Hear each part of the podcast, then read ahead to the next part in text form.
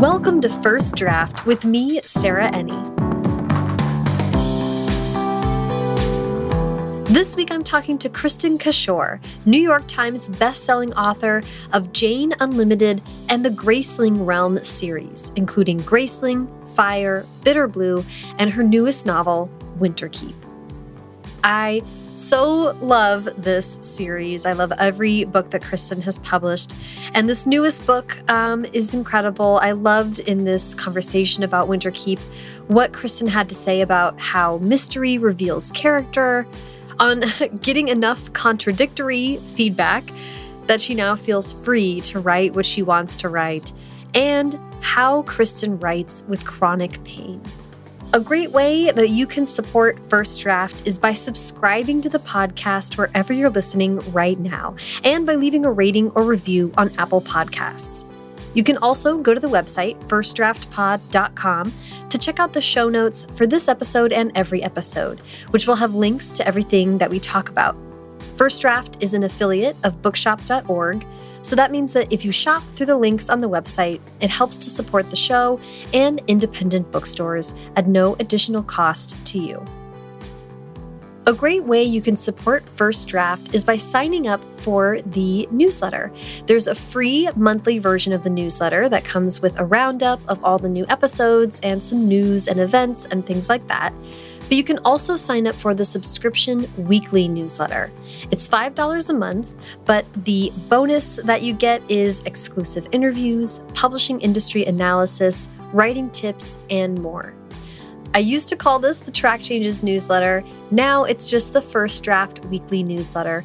And since I don't do a Patreon or anything like that, it remains the best way you can support First Draft while getting a ton of great stuff in exchange. Okay, now, please sit back, relax, and enjoy my conversation with Kristin Cashore. So, hi, Kristin, how are you? I'm doing well. How are you, Sarah? I'm doing well. I am so excited to chat today. I have been a fan of your books for many years, and Winterkeep was so, uh, I was so excited to be back in that world. It was such a fun read, so I can't wait to talk oh, about thank it. Thank you. Um, I'm going to start where I start all of my interviews, which is at the very, very beginning. So I'd like to hear about where you were born and raised. Oh, okay. So I was born and raised in a little rural corner of northeastern Pennsylvania.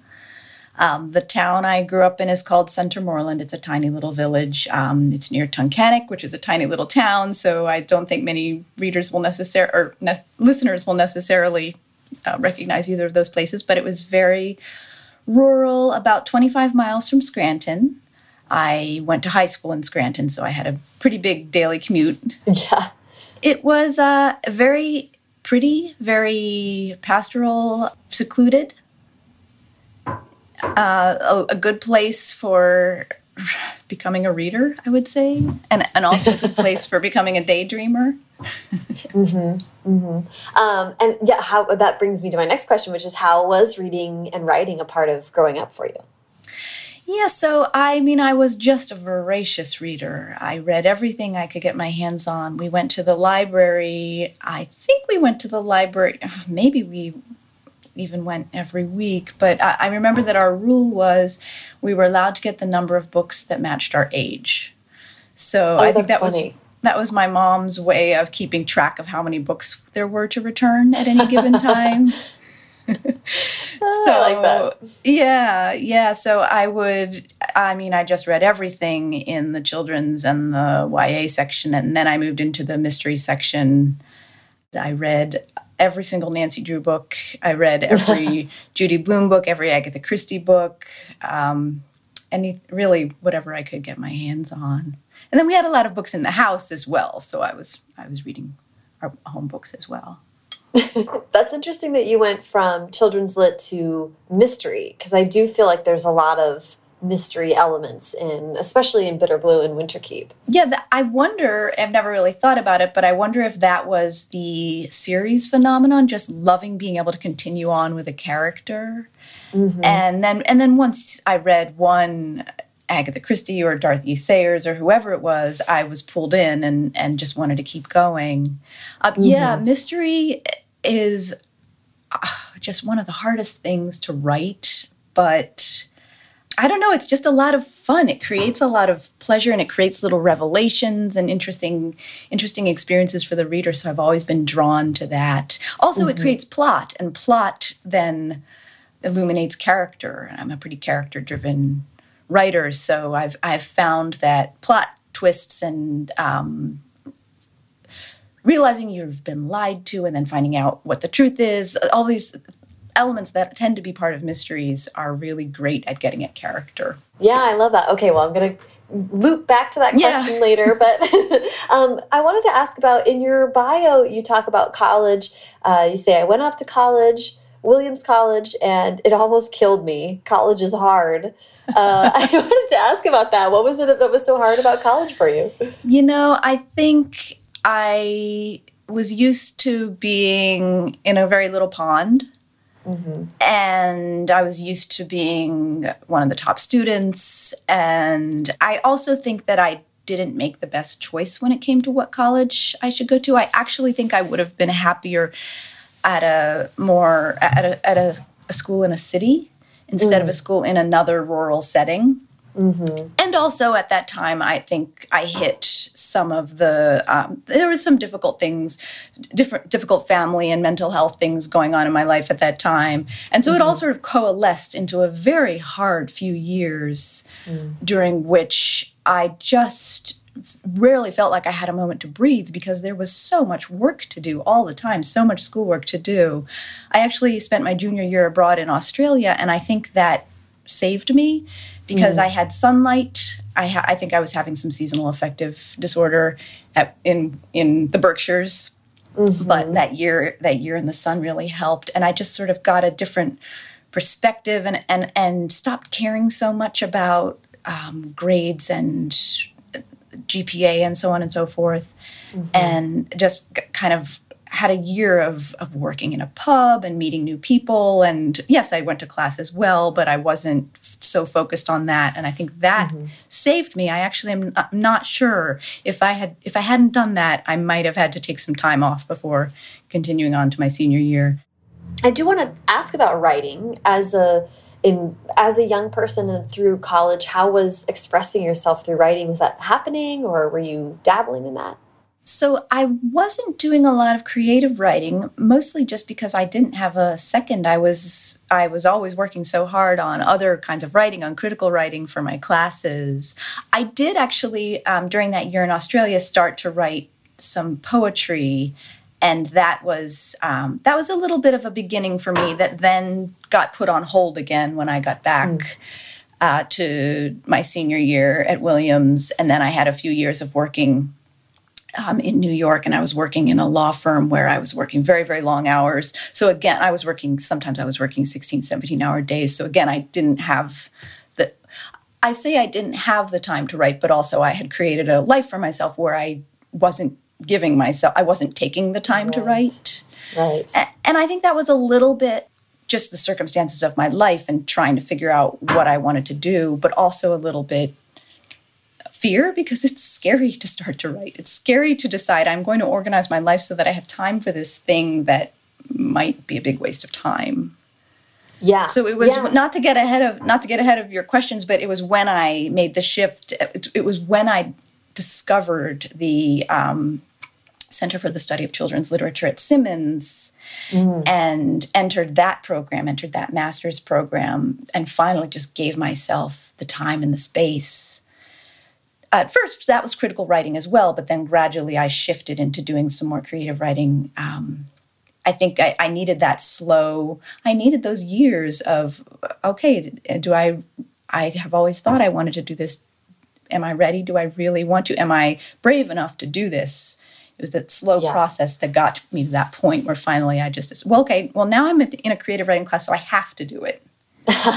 and yeah, and then that got me hooked uh, I mean, it, it, got me addicted to doing it, and from mm-hmm. then on, it's what I've. It's just what I've wanted to do.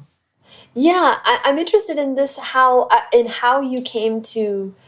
It's so interesting that you weren't sort of aggressively pursuing writing in any real way until you got yourself into an MA program and were studying children's literature. I mean, that's just such an interesting thing to me that obviously in the back of your mind, you knew what you wanted to be doing and you had to kind of create the permission structure yeah. to do it. I mean, what was, I'd love for you to take me into that. Like, how did, how did you think about that time now, looking back and seeing yourself throw yourself into this new program? Yeah, it was oh, it was such a wonderful experience, the program at Simmons. And again, I wasn't doing an MFA there. I was doing an MA. MA. When I went through the program, they didn't offer the MFA. Maybe I would have done it had they, but I'm sort of glad that they hadn't because the MA studying other books and just really tearing apart the reasons they work and what they're trying to say uh, just had such a was such a wonderful foundation uh, for writing for me.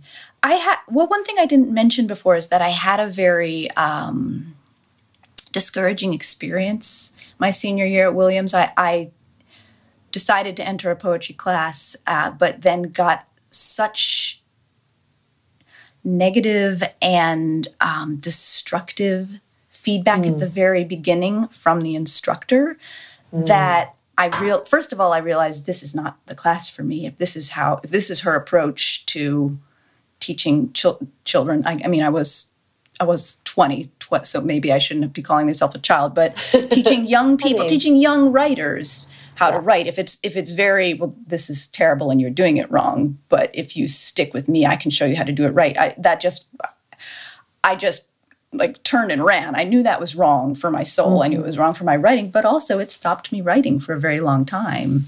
Yeah. Um, and so Simmons in a Simmons in a way healed me and uh, just filled me with so much love for the books I was reading that I didn't care anymore about mm-hmm. whether you know about the quality of of course of course I cared about the quality of what I was going to write, but I just I wanted it too much. I wanted mm-hmm. to try it too much mm-hmm. to, for those voices to matter anymore. And and lead us from Simmons and what you're exploring there to the um, beginning of the Graceling series. Yeah, so when I was at Simmons, I was working, I did a, an independent study with Liza Ketchum, who's just was, was, such a wonderful mentor and is a wonderful writer. And I was writing um, a middle grade realistic story that was in an in some ways autobiographic in the sense that it was about a young a girl who was raised Catholic as I was, who was starting to question some of the things that she'd been told. Mm-hmm. Um, the plot and the relationships were not autobiographical, but that aspect of it was coming from my own experience. And I, I once I left Simmons, I completed that draft. I, I still consider that my first novel. It's it's terrible and I it's in a it's in a box somewhere and it will never see the light of day although I have pulled you know pieces from it. And that so I consider that my practice novel. And then after that I just had this drive to write a fantasy novel. These characters were coming to me um, the characters who ended up being Katsa, Po, and Raffin were just coming to me. I was living in Austin at the time and I can, I just remember it vividly. I remember walking on a golf course at night, just going for a walk and seeing fireflies and thinking, "Oh, that's Po's eyes. That that flash is like his." You know, I just remember these moments of these these character moments coming alive for me, and I was temping, and then making time for my own writing, and then at a certain point, I began doing educational writing Mm. So, on a contract basis, writing short fiction and nonfiction stories um, that had to fit certain standards of vocabulary and topic and uh, word count that end up in kids' um, mm-hmm. textbooks or kids' readers. So I was doing that type of work, and so I would do my own writing, and then that I would be ba- I was balancing my own writing with that type of writing, mm-hmm. uh, which paid enough to keep me afloat. And I just was so happy. And then the boyfriend that I was living with at the time and I broke up, and he left. And I, there were two or three months where I was by myself in an apartment in Austin. Practically all I was doing was writing Graceling, and it was this little dream time, which I oh, think some people would look at it and think that's really weird and unhealthy. Why isn't she being social? Why isn't she? But I was so happy. also, I had just broken up with someone. Like I wasn't supposed to be so happy, but I, I was just like, oh, I have found this. I I found my love. yeah, I was going to say if you're happy after the breakup, that means it was a good idea to break to break up with someone. um, that's so funny. How wonderful to have that, and how interesting to think about Graceling being written in the context of this joyful, free, independent time. I mean, I think that's yeah. somewhat reflected in in her. Maybe it is. Feelings. Yeah, that's funny. I did um, have one other thing going on at that time, which is that which is that I developed it's called thoracic outlet syndrome, but basically I developed pain. Mm. Um, so that was the beginning of my my journey with pain and writing. Mm. I couldn't type, and at that point I hadn't gotten diagnosed yet, so I I didn't know what was wrong. So it was a little scary. Mm -hmm. uh, but um, I have since gotten a diagnosis and have tools that help me work through that. But I am just remembering that it, that is that is the other thing that was going on during that time because when it was time for me to move, I remember that I had to pack pack one box a day for a month just because my arms and my hands wow. really didn't work so great. Wow. But, okay. Yeah. Yeah. I'm going to come back and talk about that because I want to talk about being ambidextrous. Oh, yes. that whole process in a little bit. But but I'd love for you to talk about you have then you have this draft of Graceling. How do you go about um, being agented and getting it into the world? What was that process? Right. Like? Right. So first, I gave it to my sisters, my sisters um, Dorothy and Catherine, to read, and got their feedback, which was really helpful, and and did at least one more draft. And then I started. So I had been in touch with the previous book. I had I had tried to sell that book as well. I had been in mm -hmm. touch with a few. Uh, there had been an editor who expressed some interest, and I even did a revision for her. But then she ended up turning it down. So I, I, and I had been going to SCBWI conferences and trying to make connections and so on. So I was out there uh, to a certain extent, and, and, I was also just getting in touch with everyone I knew to get advice about mm-hmm. who to contact.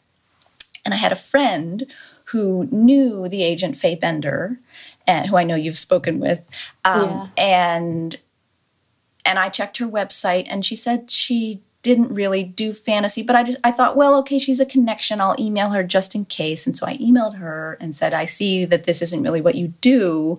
Here's my story. Do you have any interest? And she wrote back and said, It's true, I don't usually take on fantasy. I'm pretty selective, but you can send me the first 50 pages. So I did, and just months went by. And and I I have to say that whenever I would send something out, I was always a, re- a little bit relieved after it left because then I could just get back to writing and stop worrying about that trying to get published thing. Like I really, I really just wanted to be doing the writing. So I didn't really think or worry about it too much while it was gone. And then months later, I think she, e- I think it was an email. She asked if she could read the rest. So I thought, okay, that's good sign. And I, so I just sent off the rest. And then another long stretch of time went by, and I remember I was visiting my grandmother in a nursing home in the Philly area when I got a call, and it said 212. And, and when you grow up in like rural Pennsylvania, no one ever calls you from New York. So I, I had this feeling of, oh, wait a minute, this might actually be something that matters. And so I was like, Grandma, uh, I'm just going to go take this call. And I, I took the call, and it was Faye, and she said that she wanted to work with me. And I was just over the moon. Wow. And I was also so, so nervous. I mean, from that point on, I just was so anxious and nervous about this whole process. But mm-hmm. she worked me. She brought me through it. And she's just, Faye is just an absolute treasure. That was, I consider that one of the top luckiest moments of my life when she yeah. wanted to work with me. So yeah, that was That's my, amazing. that was my start. It's also amazing that it's amazing that you sort of staved off anxiety until until you were agented and then luckily right. that's a great stage to develop anxiety because then there's someone to help you with that. Right, so. exactly. Yeah.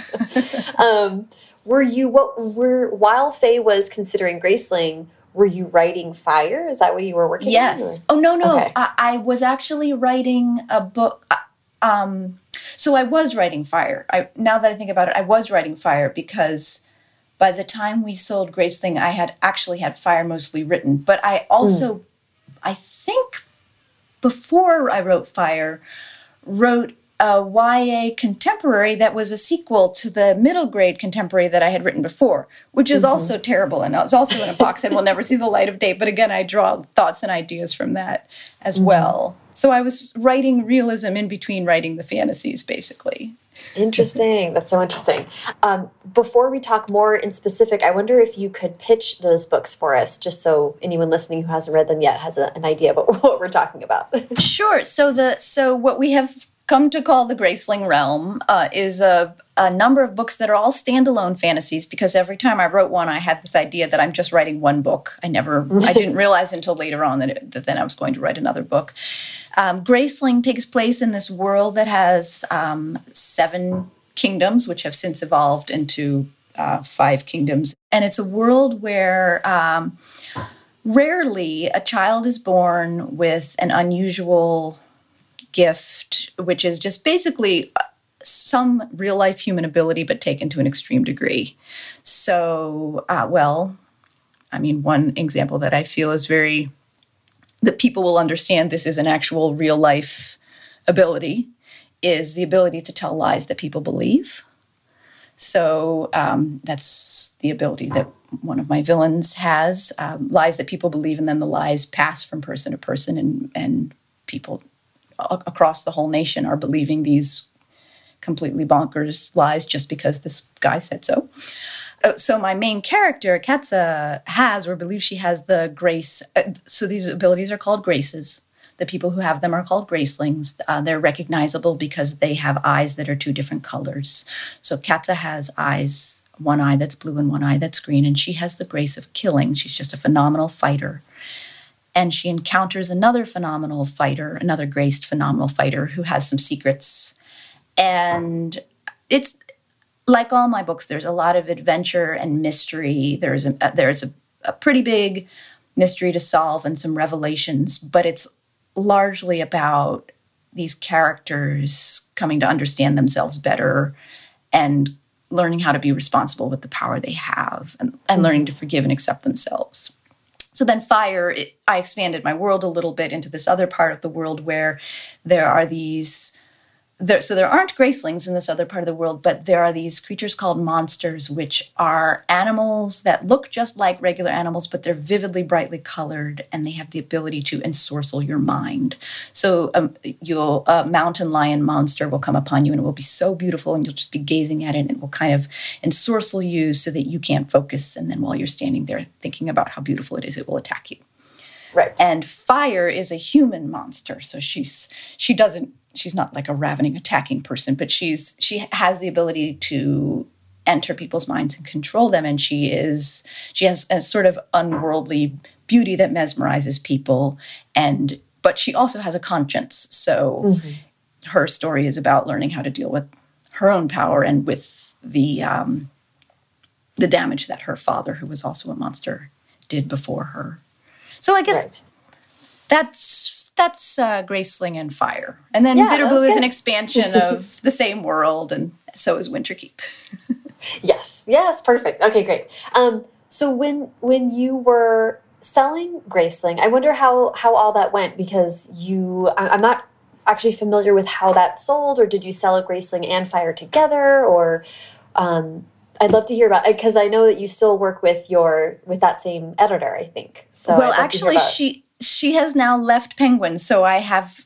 So I, will get to that in a second. But so we sold Graceling and we sold it to Kathy Dawson, who was at Houghton Mifflin Har- Harcourt. Actually, at the time, it was Harcourt. Then it became Houghton mm. Mifflin Harcourt at the time. And it was just Graceling. She gave us a, what's it called? A preempt. She really wanted the book. Mm-hmm. So mm-hmm. she, if I'm remembering correctly, that's what happened. Anyway, I, I just I couldn't believe it. I just remember being incredibly happy.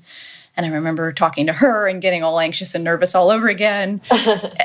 and then we were able to give her fire pretty soon after that because I had mm-hmm. been working on it. So then we ended up working with fire as well. And in the meantime, Kathy moved to Penguin, mm-hmm. and I moved with her. So I have this sort of unusual series that is published by two different publishers. Yeah, which is very unique and interesting, yeah. especially with I, I, just in reading recently about the um, new covers for the series and everything. It was it's like a whole process to get things yeah. done. Yeah, and Houghton Mifflin Harcourt has been really gracious. It was it was difficult to leave. Um, it, I was a very young beginning writer. I didn't really even understand the consequences of what I was choosing to do. Um, mm -hmm. But mm-hmm. they have just been so uh, it's been such a pleasure to work, be able to work with them on on things like a cover, a new cover mm -hmm. idea that's going to go across all four books. Yeah, it's a really interesting um, situation because obviously, so they have the first two books, and then Penguin has the second book. So, so Houghton Mifflin Harcourt has Graceling. Fire mm -hmm. moved oh. with me to Penguin. Gotcha, gotcha, gotcha. And then Winterkeep is all I'm like looking at it is also with Penguin. Is that right? Still? Yes, Winterkeep is okay. also with Penguin. Yes, yeah, and and Bitter uh, Blue was also with Penguin. Right. And um, the one that I handed in last week is going to be with Penguin. That's so exciting. Okay, well, we're going to get to that. I love hearing about relationships, especially with you and Kathy Dawson have been working together now for many books. I would just love to hear what is it you think that makes her such a good editor for you or how has your relationship developed? Anything about that i would love to hear about. Yeah so kathy so i'm uh, i have now so she has left penguin now so i do have a new editor at penguin but um for all the previous books including winterkeep she just has such a, a smart incisive editing mind. She just has a way of getting at things that aren't working or even things that are working but they could be working better mm-hmm. she's a mm-hmm. real perfectionist which is something i really appreciate because i am one as well and so yeah. I, I get these enormous editorial letters that are are pretty overwhelming at first but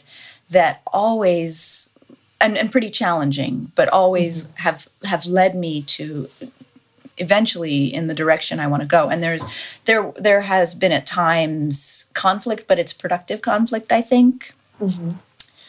She's also just so wonderful with holding off all of the other kinds of pressure because she knows that, again, I'm a nervous, anxious person, holding off the rest of the pressures from me, just letting me do the writing, and also letting me take as long as I need, which is a, a, a huge gift.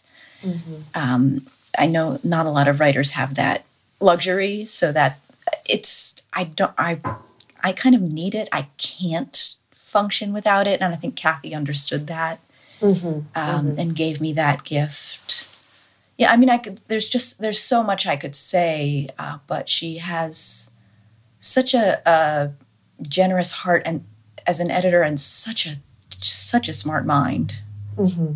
Yeah, I love that. Well, I think as a fellow perfectionist, I understand like you often you kind of need someone who's going to um I don't think that's right for every writer, but when you have a certain kind of finely tuned picky brain to have someone to work with who is similar is helpful a lot yes, of the time. absolutely. Right, because yeah. then you can you can email her and say I have this this question that it's driving me crazy and it affects, you know, an entire eight words in the book.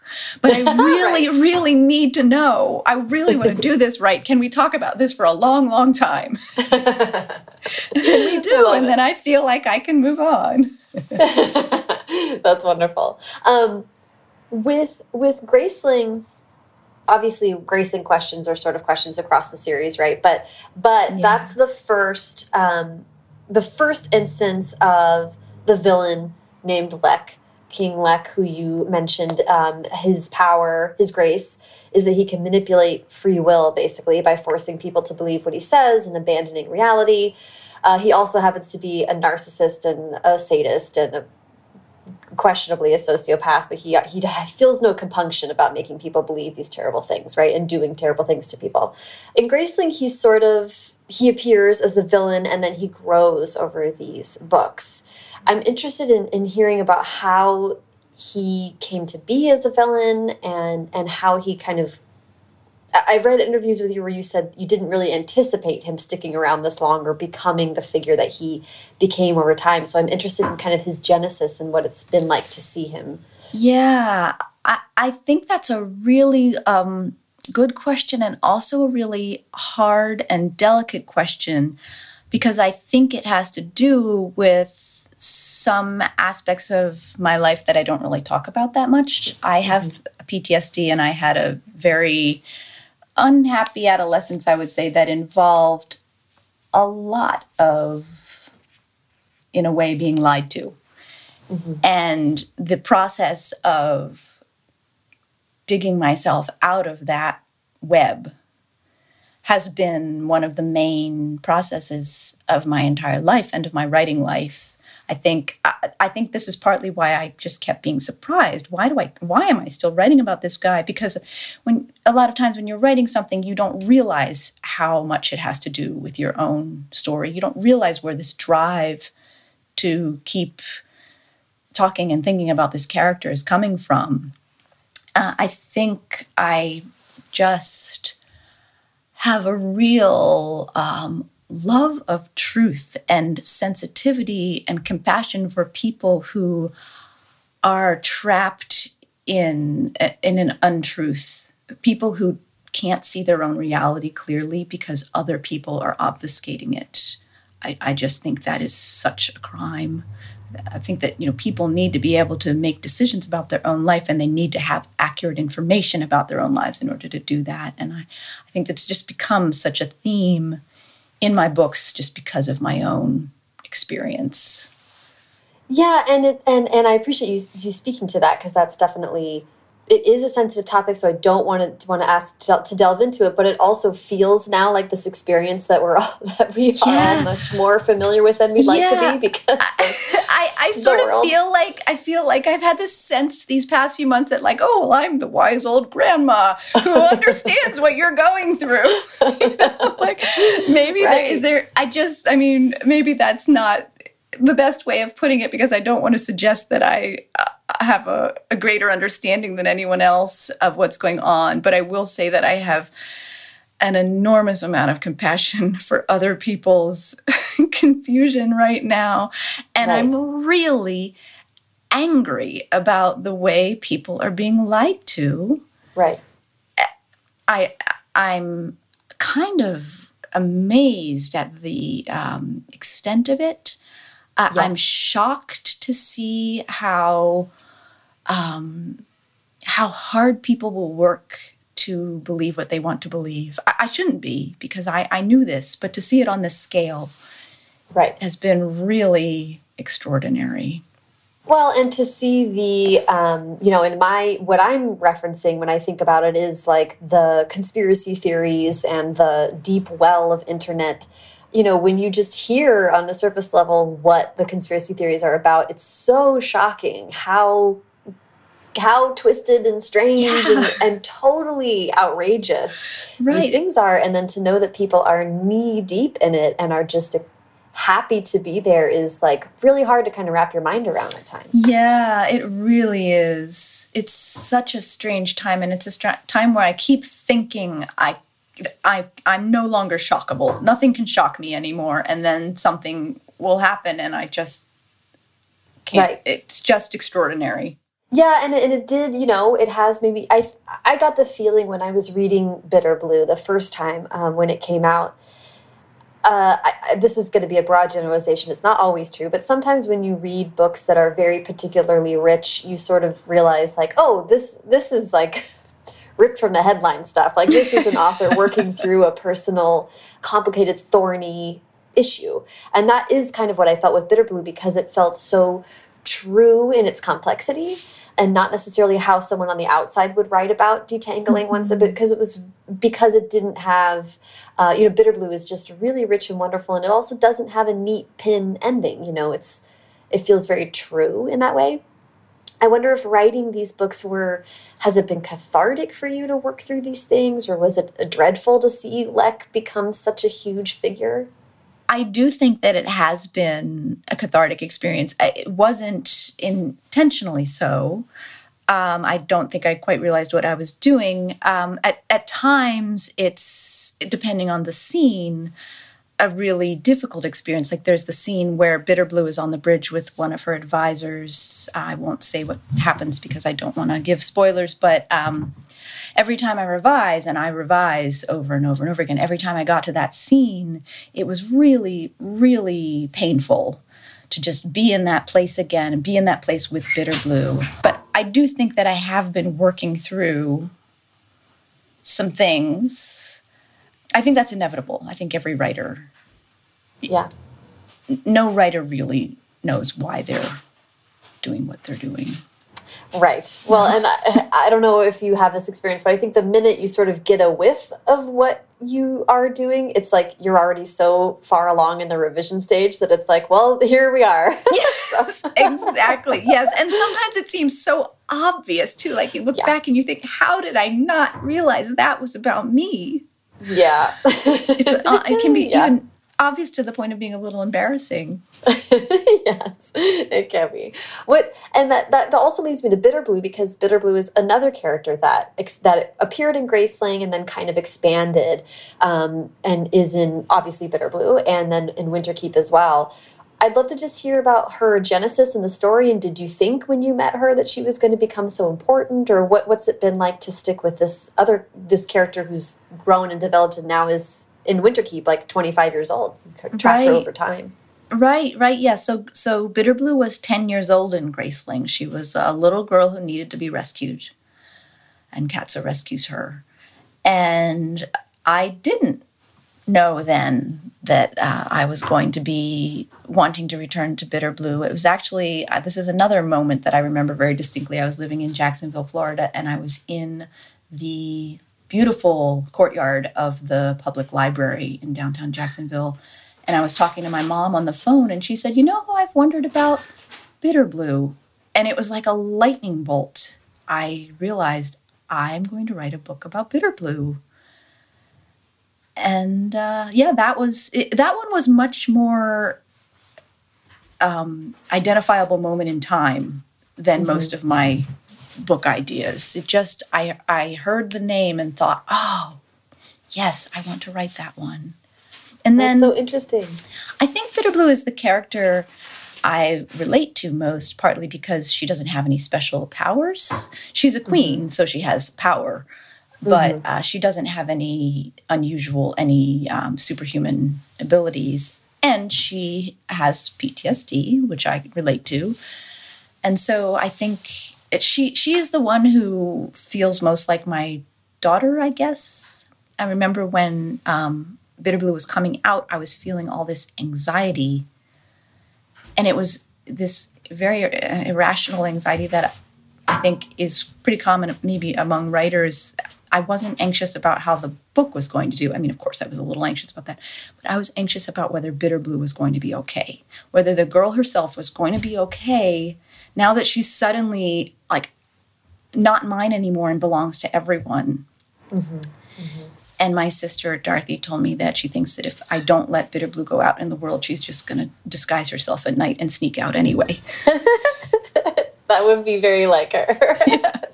Which oh, immediately made sweet. me feel like, okay, you're right. She she is going to be okay. So that's very sweet.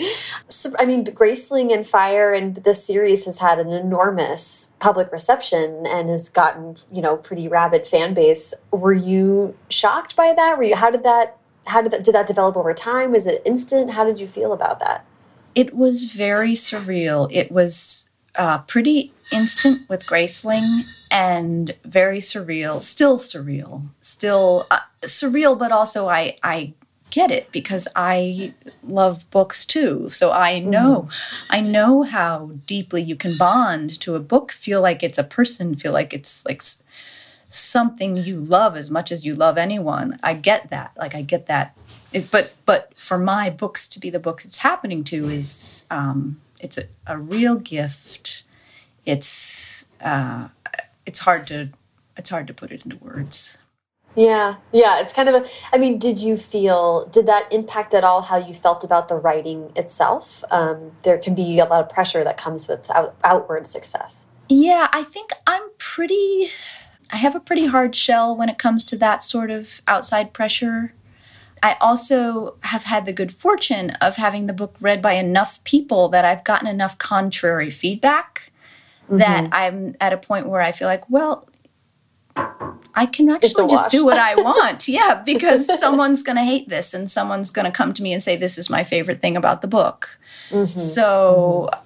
so of course I'm going to get feedback and I'm going to take it seriously and I'm going to consider what my readers are saying, but ultimately um, the books that people are responding to and loving are the books that I made the way I wanted them to be. So I have the privilege of being able to keep doing that, so I'm going to.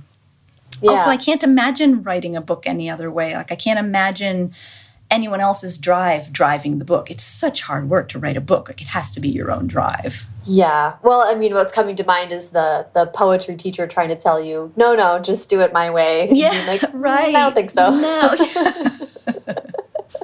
uh, on on a grand. Uh, in some ways, it kind of sets you up to be like, no, I remember this feeling, and no, thank right. you, I don't. right. Yeah. um, I want to talk about Jane Unlimited, um, at least just a little bit, because it was so. Uh, cool and interesting and it's such a unique little kind of moment in the middle of this larger yeah. fantasy series that you were writing. Thank you. Um, yeah. Before I ask the questions about it, do you mind pitching that that book? Yeah, sure. So Jane Unlimited is a book about a young woman named Jane who is recently orphaned. Um, her beloved aunt has recent who cared for her has recently died, and she takes up an invitation from a from a very wealthy friend to come join her family on their beautiful mansion estate on an island in the Atlantic. And so Jane arrives at this beautiful mansion and from the beginning starts to get the sense that there are there are some weird things going on here. There are some mysteries unfolding. There are some things that don't quite make sense. And then at a certain point, Jane has to make a decision. Am I going to follow this character? Am I going to follow the dog? Am I going to go to this part in the house? And at that point, the book splits into five different simultaneously occurring stories, each of which is in a different genre. So there mm-hmm. is a, a mystery, a spy story, a horror story, a sci-fi story, and a fantasy story that are all taking place in this house. That and you can while you're reading one of the stories you can even see the other stories playing out in the background but how they play out depends on what decision Jane has made. So uh, the sci-fi story I should say is about the multiverse and how the world splits into different universes so that kind of helps gives you give you a maybe a, a hook to hang your hat on in terms of what's going on with these different stories but it's yeah. it also i have i tried to kind of make it a whole story, even though it's this a, a repeating story ha- occurring differently five times in a mm-hmm. different genre. Um, it was very complicated to write, but, but yeah, I cannot imagine. yeah, I mean, it's sort of a, and I and I mean this in in as a as a compliment. I loved the book. It it feels like in some ways it was this grand sort of thought experiment to you sort of set yourself a really really hard challenge to to in one book write these five different completely unique types of books that all have their own conventions and rules and difficulties. Yeah what was yeah. it what was it like I to mean, tackle this story? I love a challenge and i also suffer from uh, i'm actually in this stage right now with the next book this like i the the period of time when i'm getting the idea for the book is my absolute favorite. I love it so, so, so much. It's so exciting. And I think it needs to be because if it weren't, I would never actually continue on to do this. You think when you're doing the planning, oh, that I learned from that last book. I'm not going to make that mistake again. This one's going to be so much easier. And it, of course, never is. So I, without a doubt, didn't quite realize what I was setting myself up for and how ambitious I was being and how much of a challenge I was setting myself up for. And an interesting thing happened with, with it, which is that at a certain point, so the so the initial setup was really complicated and confusing and hard. And then at a certain point, it got so much easier because everything was in place. It was like the foundation was there all these stories were so hooked into each other in pretty mm. hard, specific ways that I had my structure and I just had to start filling in filling mm. things in. So mm-hmm. so it it it was it was just sort of an, a very unusual, interesting um, structural experience of writing it. Yeah, I mean, in some ways, and the other thing that that I, I was thinking about, if, if from the outside, of course, as an outsider looking at your career, I see this sort of complicated, long fantasy series that could potentially go on for the rest of your career, and Jane Unlimited felt almost like this burst of like, but I can do other stuff, and like, like giving yourself the chance to sort of see all these, all the different ways that your career could go, could go, or the or the different ways that you're capable of writing a book. You know, Yeah. Yeah, because I love writing in the Graceling realm, but I have a lot of other ideas and I also have other contracts. And I, you know, I, uh, the book that I'm actually planning right now is not going to be a Graceling realm book. And I'm just, I'm so excited about every book, whatever kind it is when I start. Um, I just have to make sure to leave time and space for books that aren't Graceling realm books. I have another one that's been in revisions forever that I hope to get to after this next one. We'll see. It's yeah i mean how how do you think about that it i guess we're, we're talking around the idea of being of not wanting to be pigeonholed right um, as a Yeah. fantasy author or within this one series how are you how do you balance that as well as acknowledge the fact that it is a really well loved and, and important series yeah. So I don't really worry too much about how I'm categorized. Like I don't really. This is another, I think, advantage of having books that are read. I've already had so much, um, you know, happy happiness about a new book I've written, but also so much. Well, this isn't like the last one. This isn't what I expected. I'm disappointed. You know, see, so again, you get to this place of, well, it doesn't, it really doesn't matter. Like people are, people's reactions matter, of course. You know, everybody's reaction is valid, but it doesn't actually matter to me in terms of what I do. I need to just write what I want to write. So it's more that I don't want to be pigeonholed inside myself. I want I want to be able to follow um, whichever whichever character, whichever story is pulling on my heart. I want to be able to follow that one. And it's okay with me if um, people, you know, want me to stick with the Graceling realm or you know it's, that's fine what whatever whatever whatever feelings and wishes people have is fine i'm just going to keep doing my thing Yeah, yeah. I mean, uh, this is something I've been thinking about, and tell me how you feel about this as like a way to express it. Um, I think a lot of writers are worried about negative feedback, and of course, there's like the "don't read the comments" is like you know common Yeah. um, advice. But in some ways, it's like you have to have enough negative feedback.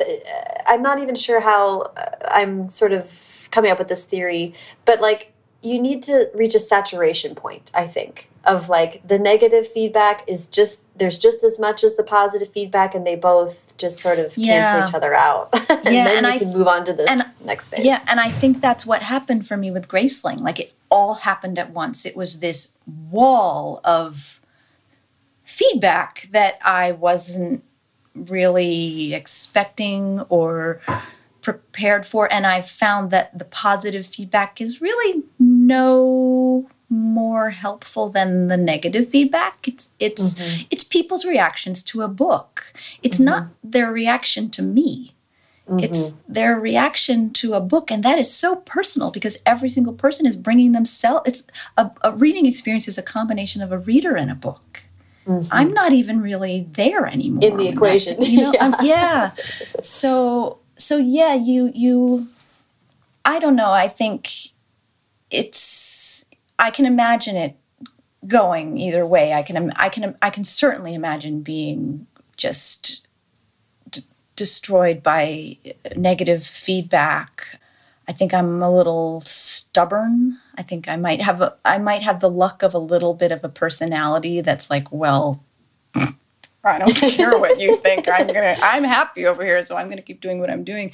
That's a lucky thing for a writer to have. But the the more you can, the more you can get your validation from the actual experience of writing and the more make more you can make it about the experience of writing mm. rather than what happens when you're done writing then i think the steadier you can be and it's hard i'm not i'm not i don't want to imply that i that negative feedback just rolls off my back right but you know you find your you you have to keep reminding yourself okay what do i believe in what actually matters what actually mm-hmm. matters yeah, um, I love that. Well, that that's like super helpful for people to hear. I think. Um, so I want to ask about. Um, I have some Winterkeep questions, and then and then some writing process questions, and then we'll wrap up with advice. Before, I would love to give you the chance to pitch Winterkeep, and then we, and then I have a few specific questions about the book. Sure.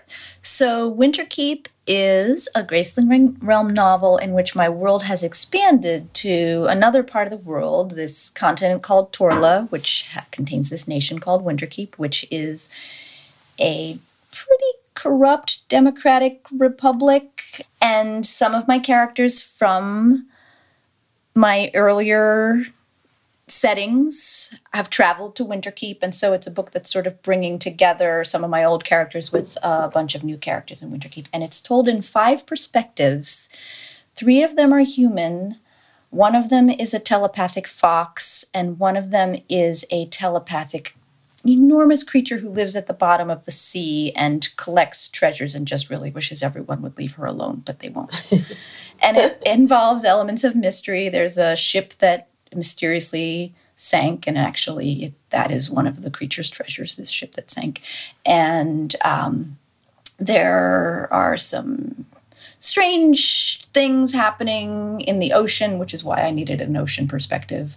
And it's just a, like all my books, very much about characters and character relationships, but also intrigue and romance and uh, adventure and mystery.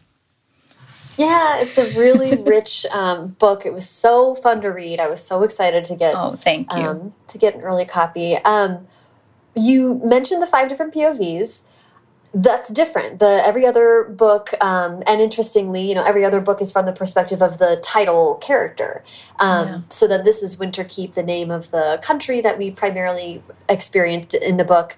What? How did you come to the five different perspectives, and what was it like to write all of that? Yeah, I think I, you know, I always like to try something new. I get bored if I'm doing the same thing over and over. So I, I and I just this book came to me with um, the idea of the different perspectives because of the kind of story I wanted to tell. I did want there to be some things that are happening under the ocean, and I did want there to be things that are happening in different parts of the world, and then um, worlds coming together. And I and I in my initial draft, I think I just gave everyone a point of view. I was just trying to figure out what I was doing, and practically everyone had a point of view. It was constantly shifting. Mm. And then gradually over time, as I revised with input from my agent and my editor, we uh, narrowed it down to these five particular points of view. So one of them was familiar to me, Bitterblue. I've written from her point of view before one of them is Gideon, who's a character I've written before, but haven't written from the perspective of. And in fact, he was the first man I've written from the perspective of. There's a tiny little section in uh, Fire, which is written from Leck's point of view. But aside from that, he's my first male point of view. And then one is this young woman named Lovisa Cavenda, who is a 16 year old student at the very prestigious Winterkeep Academy who as a student of politics and has parents who are politicians, um, who was just such a fun. I, I consider her to be the heart of the book. Really, she was just a fun, um, very cynical. Creates a lot of trouble, sneaks around, but has a big heart. If only mm-hmm. anyone would notice, and if only she were able to actually see. Yeah. So, and then the the fox and the creature under the sea. That just came with my original ideas for the book. I always had these. I always wanted to have. I, I can't. I can't explain where it came from. It just was a part of the book from the beginning. You know. Yeah, and it feels like a part of uh, um, the rich like history of fantasy writing. Right, there are so many fantasy books with animal perspectives, or in which animals are the protagonists. So it kind right. of at first it was a little like what's going on here? And then I found myself being very emotionally attached to this fox, especially. Oh, yeah.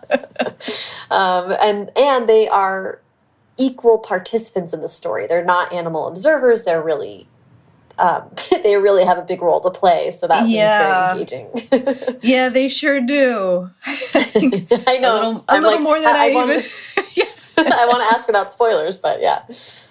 You mentioned also writing Gideon as a as a being the point of view of a male character, and your books, in one way, many of your of the books in this world deal with the fallout of uh, this the sort of catastrophe of these um, men, uh, the legacies of of bad men, right? Yeah, and then you are able to experience Gideon, and it's very it's very important to be in his mind. You know, I, what's coming to mind and what I'm trying to express is that it's felt like a way to explore toxic masculinity in this other way, because you really have expressed it at, in the potential for harm that men have, right. and then Gideon felt like this opportunity to say, "There's another way." Yeah, I really felt that while I was writing Gideon he is a good man, which is a you know a complicated concept and means a lot of things. But I really felt like I have this opportunity to create. Not that I I don't want to say the word model because I don't mean that I'm putting him out there because I have expectations of what readers are going to do with him. But I wanted there to be a man who exists in books who is like that who is mm-hmm. really introspective and has learned. Gideon was such a jerk in Graceling. I hated him in Graceling.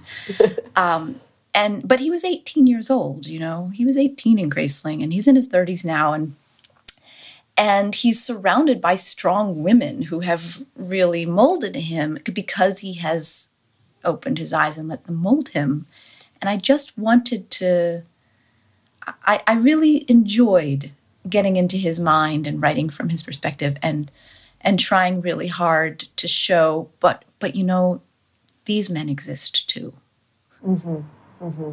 yeah it was do. really yeah it was really wonderful and it was you know he and he's maybe the character in the book who's most sort of in his feelings and he's really like going through it in the book so he was a wonderful fun point of view to be in which was really great i want to ask about telepathy and mind reading, it's been sort of a constant across your books. Even in Jane Unlimited, there is a sentient basset hound who has a role to play. Yes, I, I um, think that's actually where my foxes came from. I think I that that's where that idea was planted.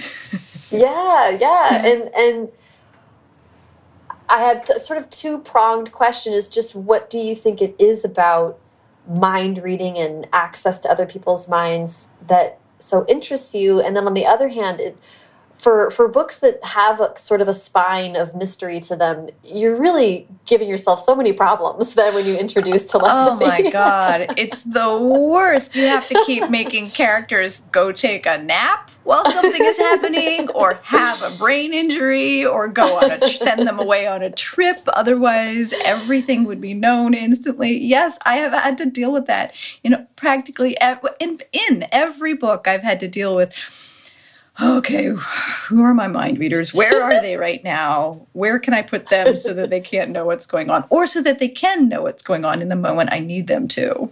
Right. Yeah.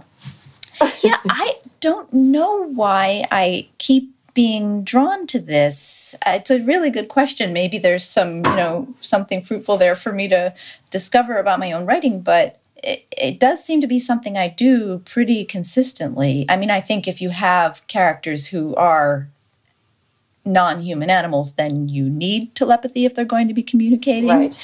Right. But other than that, I mean, it's a really good, uh, you know, I wrote uh, Graceling, which does contain a mind reader, and learned from that how hard it is. And then I just went ahead and wrote Fire, who who reads minds. So I knew what I was getting into. I knew how hard it was going to be, but something does keep drawing me toward that kind of story. Yeah. Yeah, I don't know need to think that well, one through. I had a where did I write this? I had like a theory um, that's not. I don't want to put this on you, so you can let me know just what you think about it. But but when I was reading rereading this series for this interview, I was really kind of struck by how you know because you're not only not only are you using telepathy as sort of a character device, and it of course factors into like Po's development, and so it's uh, it's about the emotional life of the characters as well as what they can physically do. Um, but you're exploring sort of that power and the ethical ramifications of that power and what that brings with it. And it seemed to me, you know, though in the books it's really literal, I sort of took that as like a metaphor for like the moral engagement we have with, you know, the power and influence that we have with the people in our lives and the, Yeah. the power that they have with us. Yeah, I think you're right. I mean, I think that's spot on. I, I, it gets back to something that I am conscious is one of my favorite things to think and write about, which is power dynamics, relationships um, in terms of what the power dynamic is. And so the mind reading aspect just adds this really interesting element to any relationship and creates this immediate okay, well, how are we going to balance power in this relationship now that you can actually enter my mind? So it brings Right. up it brings up issues of trust. How do you trust someone? It also brings up issues of self control and being um, thoughtful and respectful with your own abilities. It, I mean, I mean, you're right. It, it's it's a really good tool, I think, for addressing how how human relationships work Yeah. met- yeah. and- metaphorically. Right. When when you sort of explore it the way that you do, which is like that it's not just a cool trick that someone can do. It's like, well, what does this really mean? How would it really be like to care about someone who could who could do this? And to some extent, um, you know, when you get when you care deeply about someone, you can anticipate what they're thinking and feeling, and then what do you do with that anticipation? Right. I also had fun moments of, you know, because you because I do agree that you can do that, but also you can make mistakes. You know, you can make mistakes, Uh-huh. and, and so I have I have fun with the little rare moments when a mind reader actually gets something wrong, you know, or or or needs to ask because they don't they can't figure out what's going on. I like those moments. Right. I want to ask about um, about your writing process itself. So I'd love to hear about um, about the office and, and the being able to sort of take your writing outside of the home and what led to that, um, and how you kind of protect your space and your time. Yeah, yeah. So when I married my husband, he um, is he works from home. He's an indie game developer, so um, it was going to be two of us in the house. It, it was just going to be a little too much together time. so so when we moved in together, we we decided okay one of us should have an office outside the home and i wanted it to be me and he wanted it to be me so that was that worked out well um, i have an office that's a mile from my home it's a nice hilly walk so every day i walk two miles to the office which is a great start it's a great little start and then end to my work day. Kind of gets me in the mode of thinking about where i'm going and what i'm about, about to do. Also uh, oh now that i have an office outside the home i never want to go back because for the first time like before this was the case i would just work all the time you know? Wh- h- when does your work day end if your work is right there all the time. Now when I come home, I'm done. I put it away, and it's a it's a big difference. Um, I think it, it also makes my work more productive because I'm going to this place to do something. If I don't have anything to show for it, why have I moved myself across the city today? Right. You know. And I want to ask about writing by hand. And in your blog, you have a blog that you've been running for years, where you talk a lot, a lot about your process. I, I'd like to hear about learning to write with both hands, but but also writing with pain and how you've Yeah. managed that and how you continue to to do to work through that. Yeah, so I um, I do write. I'm always writing with pain. It's like a, a neck, um, shoulder, and then it can, can extend down into my arms and hands. Pain that can be that can be pretty agonizing um, if I haven't been able to manage it well.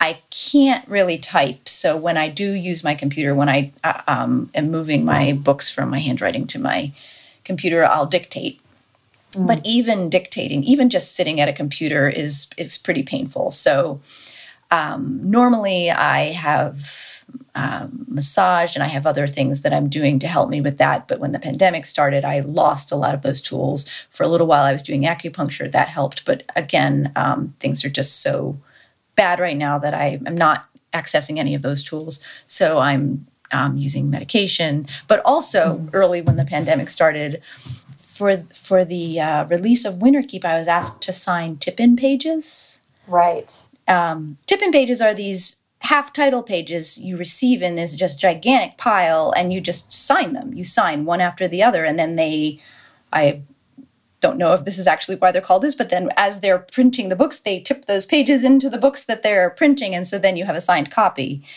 and when i got the request to sign tip-in pages i just had this moment of realizing i am not going to be able to get through this process where where i can't i don't have the tools i need for my pain I, am not going to be able to keep writing my books unless I learn to write with my opposite hand. So I started teaching myself, I'm left handed. I started teaching myself to write right handed. I think it was in mm, late, it was in last spring. Uh, it was very rocky at first, very messy and slow, but there was a pretty quick bump to becoming more competent. It's I'm it's funny. I mean, basically now what I've done is I've just like now I've achieved pain on both sides of my body. but but um I also I feel it felt like an investment not just in this time, but in my entire career. Because I'm, my pain is not going to get better as I age, you know, mm-hmm, mm-hmm. and I'm always going to want to write. So this, it felt like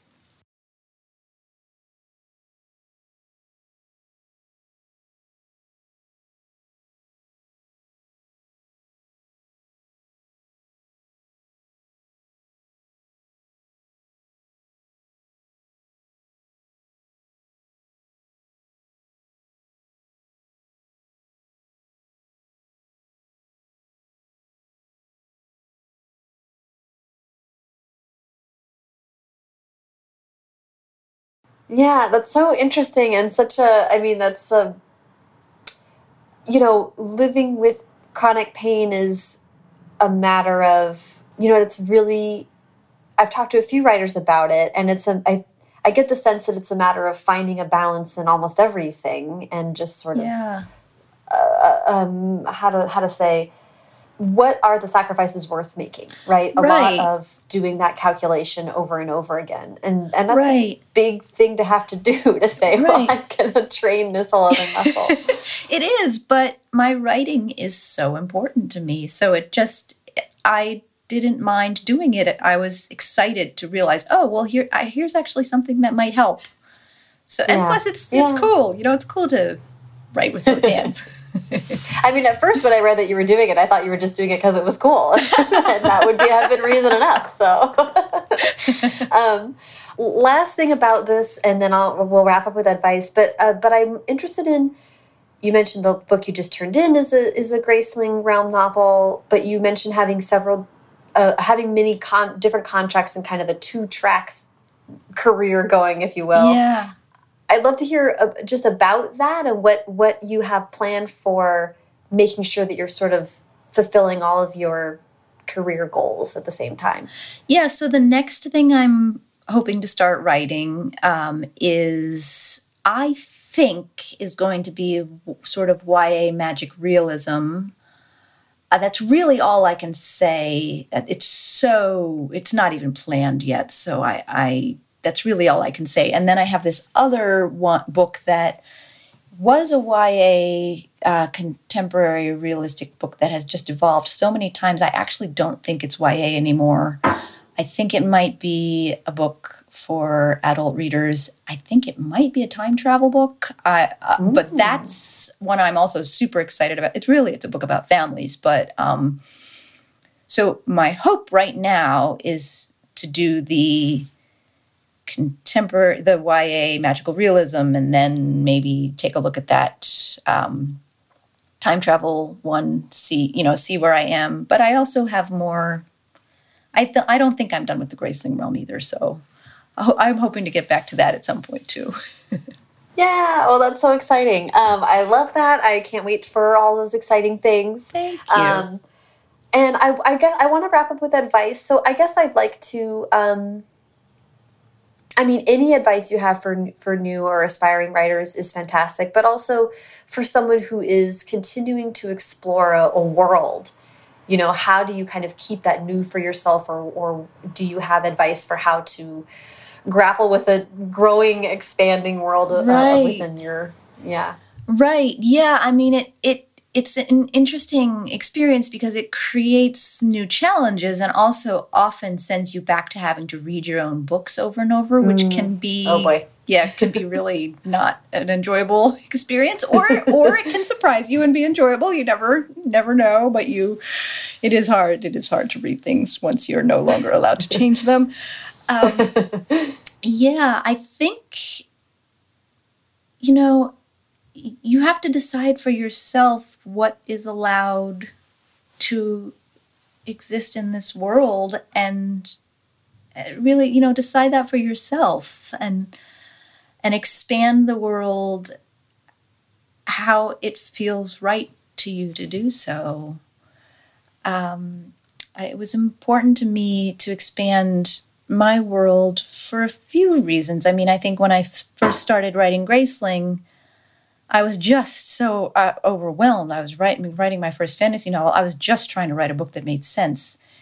There are a lot of things that didn't even occur to me. Like, for example, it didn't even occur to me that these places wouldn't be kingdoms, that there wouldn't be like knights with swords. Uh, and then now that I've written it, I'm kind of stuck with it. So asking myself, okay, well, what can I, how can I shift what I've created, well, one of the ways you can shift some of the decisions you've made is by expanding your world. Um, so I guess that's, I don't know if that's advice so much as just like, in, in, feel free to think of it that way. Like, oh, I've trapped myself with these problems. I'm dissatisfied with these decisions I've made in my world. Can I address some of those by expanding the world? You know it's one of the ways to change your fantasy world is to expand it. So and it also oh. gives you uh, it also creates such political upheaval for the places that already exist to suddenly discover there's another part of the world that then that opens up options for what could happen in the in the worlds that existed already. So yeah, Yeah. I love that. Uh, and any other advice just for writing generally that you like to give? Yeah, I mean, I'm, I think my favorite, the, the writing advice that I have found most useful, um, the thing that I try to remember most often is is just those voices that try to tell you that your work is bad and you're wasting your time. They never go away. They're they're just that's just part of being a writer. And so finding whatever way works for you to allow those voices to you know you can invite them I, i've i've said before you know I, you can come and uh, sit next to me in this chair and you can you like you poor sad little guy who thinks everything's terrible i can give you a hug now and then you're very sad and you can sit there but you're not going to stop me doing my writing today I love that. so just, you know, it's just those voices don't mean you're not a good writer. They just mean you're a writer. And writing comes Right. along with those voices. Yeah, if anything, it's a confirmation. If you if you have no self doubt, then I don't know what kind of books you're Right, writing. To be honest. right, exactly. Ah, oh, this has been such a pleasure to talk to you. Thank you for giving me You so much too. time. We kind of Oh. blew right past the time, but no, this was thank wonderful. you. It was really lovely. I really appreciate it. You so much to Kristin. Follow her on Twitter and Instagram at Kristin Cashore. Follow me on both at Sarah Enni and the show at First Draft Pod. First Draft is produced by me, Sarah Enni. Today's episode was produced and sound designed by Callie Wright.